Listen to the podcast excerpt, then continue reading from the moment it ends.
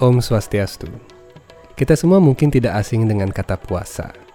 Istilah puasa menggambarkan pengekangan diri dengan tidak makan dan tidak minum. Ada beberapa alasan seseorang melakukan puasa. Ada yang sedang menjalankan diet, anjuran untuk kondisi medis, ataupun menjalankan perintah kitab suci dalam agama masing-masing. Dalam kitab suci Weda pun sesungguhnya kita mengenal adanya puasa ada beberapa jenis puasa yang dijelaskan dalam Weda. Ada puasa yang disebut dengan Chandrayana, ada puasa pada hari-hari suci tertentu. Salah satu hari puasa yang paling penting menurut kitab suci Weda adalah puasa Ekadasi.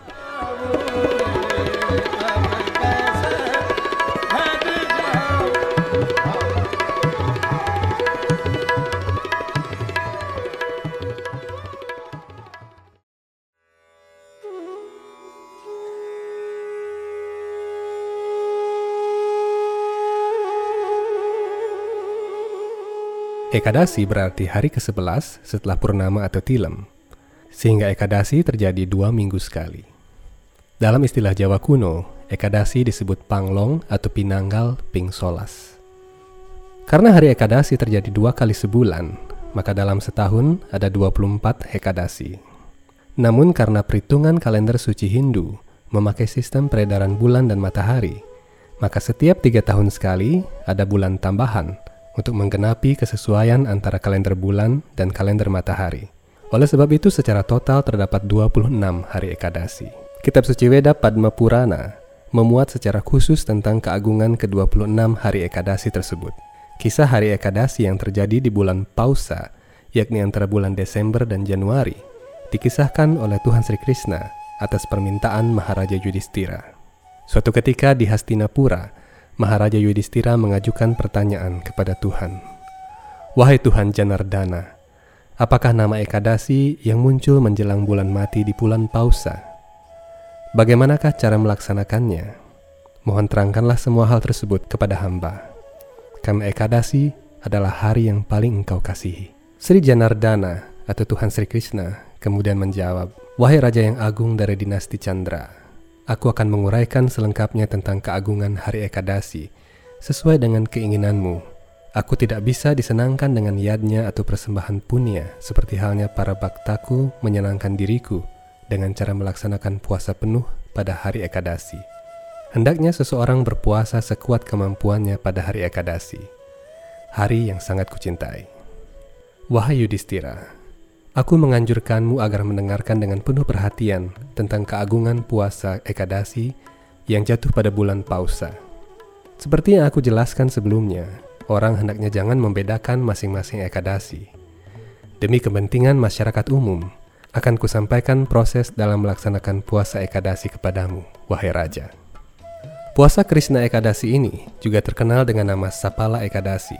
Pada hari yang suci ini, orang hendaknya memuja Tuhan Narayana yang berkuasa atas segala sesuatu di alam semesta. Seseorang hendaknya mengikuti cara-cara berpuasa sesuai dengan yang telah Tuhan uraikan dalam kitab suci Weda. Seperti halnya di antara para naga, naga sesa adalah yang paling utama. Di antara para burung, Garuda yang paling mulia.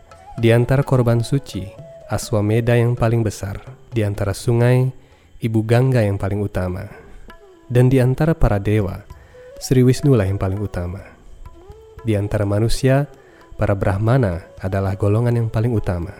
Demikian pula di antara semua hari puasa, Ekadasi adalah yang paling utama. Pada hari Sapala Ekadasi, hendaknya seseorang memuja Tuhan dengan mempersembahkan buah-buahan segar yang menjadi musimnya sesuai dengan waktu, tempat, dan keadaan. Ia hendaknya memusatkan pikiran kepada Tuhan sebagai kepribadian tertinggi yang maha berkarunia. Seseorang hendaknya mempersembahkan buah jambu, buah delima, daun sirih, buah kelapa, kacang-kacangan, cengkeh, mangga, dan bermacam rempah yang harum, serta mempersembahkan dupa, lampu minyak yang terang, dan bunga-bunga yang harum. Dengan mempersembahkan lampu-lampu minyak, khususnya pada waktu Sapala Ekadasi, adalah persembahan yang sangat mulia. Apakah karunia yang diperoleh seseorang jika dia melaksanakan puasa dan tetap terjaga pada malam harinya? Hasil yang diperoleh seseorang dengan melaksanakan puasa dan tetap terjaga sepanjang malam pada hari Ekadasi ini adalah karunia atau pahala yang sama dengan pahala yang diperoleh seseorang dengan melaksanakan pertapaan selama 5000 tahun. Pada zaman dahulu, ada sebuah kerajaan besar bernama Campawati yang diperintah oleh seorang raja bernama Mahishmati. Raja Mahishmati mempunyai empat orang putra. Putra yang tertua bernama Lumpaka yang selalu melakukan perbuatan yang berdosa, seperti melakukan hubungan gelap dengan istri orang lain, berjudi, dan selalu bergaul dengan para pelacur. Ulahnya itu menyebabkan kekayaan ayahnya semakin berkurang. Lumpaka juga tidak menghormati Tuhan, tidak menghormati para dewa, mengkritik para Brahmana, dan setiap hari membuat kesalahan terhadap para penyembah Tuhan. Menyadari sifat anaknya yang demikian, Raja Mahismati membuangnya ke hutan. Karena takut dengan raja, maka seluruh keluarganya tidak berani mengunjungi lumpaka yang tidak berdaya itu.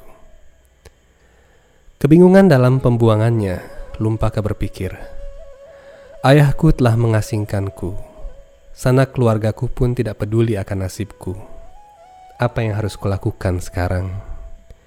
Dia berniat jahat dan berpikir, Aku akan menyelinap ke kota di waktu malam merampas barang-barang yang aku perlukan. Siang harinya aku akan tinggal di hutan, dan malam harinya aku akan merampok. Penduduk kota memergokinya berulang kali, tetapi karena takut kepada raja, mereka melepaskannya. Selain makan daging, Lumpaka makan buah-buahan setiap hari. Dia tinggal di bawah pohon beringin yang sudah tua. Banyak yang memuja pohon beringin itu sebagai raja pohon yang ada di hutan. Setelah beberapa waktu, Lumpaka melakukan banyak kegiatan berdosa dan tercela. Suatu ketika, hari Sapala Ekadasi tiba. Pada hari itu, Lumpaka tidak sengaja melewatkannya tanpa tidur karena udara yang sangat dingin. Ditambah pakaiannya yang compang-camping yang menyebabkan dia hampir mati kedinginan. Akhirnya pagi pun tiba. Lumpaka merasa giginya masih gemeretak dan ia hampir koma menggigil kedinginan dan selama pagi hari di waktu hari Ekadasi itu, dia tidak bisa bangun dari tempatnya berbaring. Kemudian pada waktu siang, Lumpaka yang berdosa itu berusaha merangkak ke pohon beringin yang besar setelah ia sadar dari pingsannya.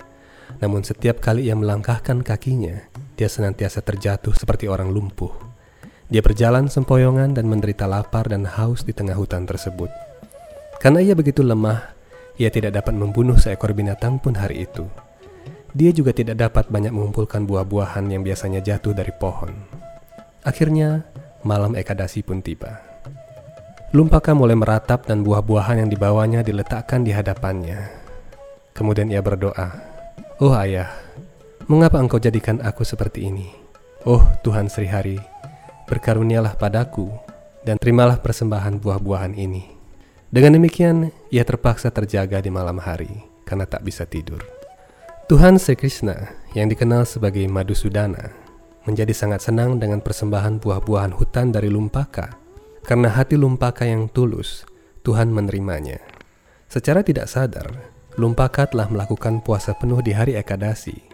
Dan karena karunia yang diperoleh pada hari itu, dia mendapatkan kerajaannya lagi tanpa alangan.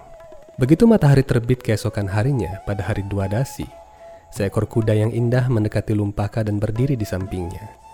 Pada saat yang sama, terdengar suara dari langit. Kuda itu adalah kudamu, Lumpaka. Tunggangilah dia dan kembalilah pada keluargamu. Wahai putra Maharaja Mahismati, karena karunia Tuhan Wasudewa, kekuatan dan hasil berpuasa sewaktu Sapala Ekadasi, kerajaan akan diberikan kembali kepadamu tanpa alangan. Karunia ini engkau peroleh karena engkau melakukan puasa pada hari yang agung itu. Kembalilah sekarang pada ayahmu dan nikmatilah kerajaan dari dinastimu. Setelah mendengar suara gaib itu, Lumpaka menunggangi kuda indah itu dan pergi ke kota Campawati.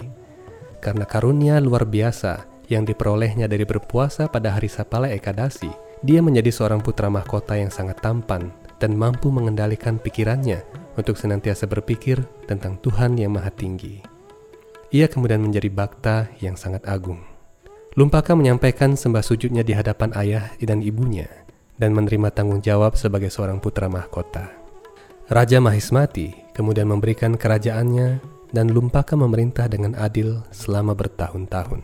Apabila hari Ekadasi tiba, dia memuja Tuhan dengan penuh cinta bakti. Atas karunia Tuhan Sri Krishna, dia mendapatkan istri yang cantik dan seorang putra yang baik.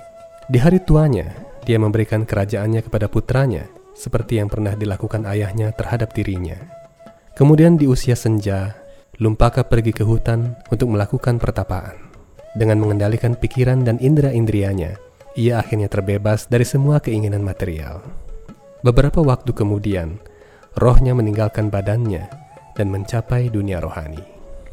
Tuhan Sri Krishna bersabda kepada Maharaja Yudhistira, Orang yang mendekatiku dengan cara seperti yang Lumpaka lakukan akan sepenuhnya terbebaskan dari kesengsaraan dan kecemasan. Sesungguhnya barang siapa yang melakukan puasa pada hari Sapala Ekadasi yang mulia itu, bahkan walaupun secara kebetulan saja, seperti halnya Lumpaka, akan menjadi terkenal di dunia ini. Dia akan dia akan terbebaskan dari segala dosa dan pencemaran material. Pada akhir hayatnya, dia akan kembali ke dunia rohani Hal ini tidak bisa diragukan lagi. Orang yang hanya mendengar keagungan dari Sapal Ekadasi ini memperoleh karunia yang sama dengan hasil yang diperoleh orang yang melaksanakan Raja Suyayatnya. Demikian berakhirlah uraian tentang keagungan Sapala Ekadasi dari Kitab Suci Weda. Sampai jumpa dalam kisah keagungan Ekadasi lainnya hanya di Hindu Times Channel. Ikuti terus Hindu Times dan nantikan episode-episode menarik lainnya tentunya dengan butiran mutiara-mutiara pengetahuan suci Weda yang semakin berkembang dan menarik untuk diikuti. Semoga Hindu senantiasa dapat menjadi cahaya yang terang dan menjadi teladan bagi kedamaian, keharmonisan, kesucian, dan keberagaman dunia. Om Santi Santi Santi Om.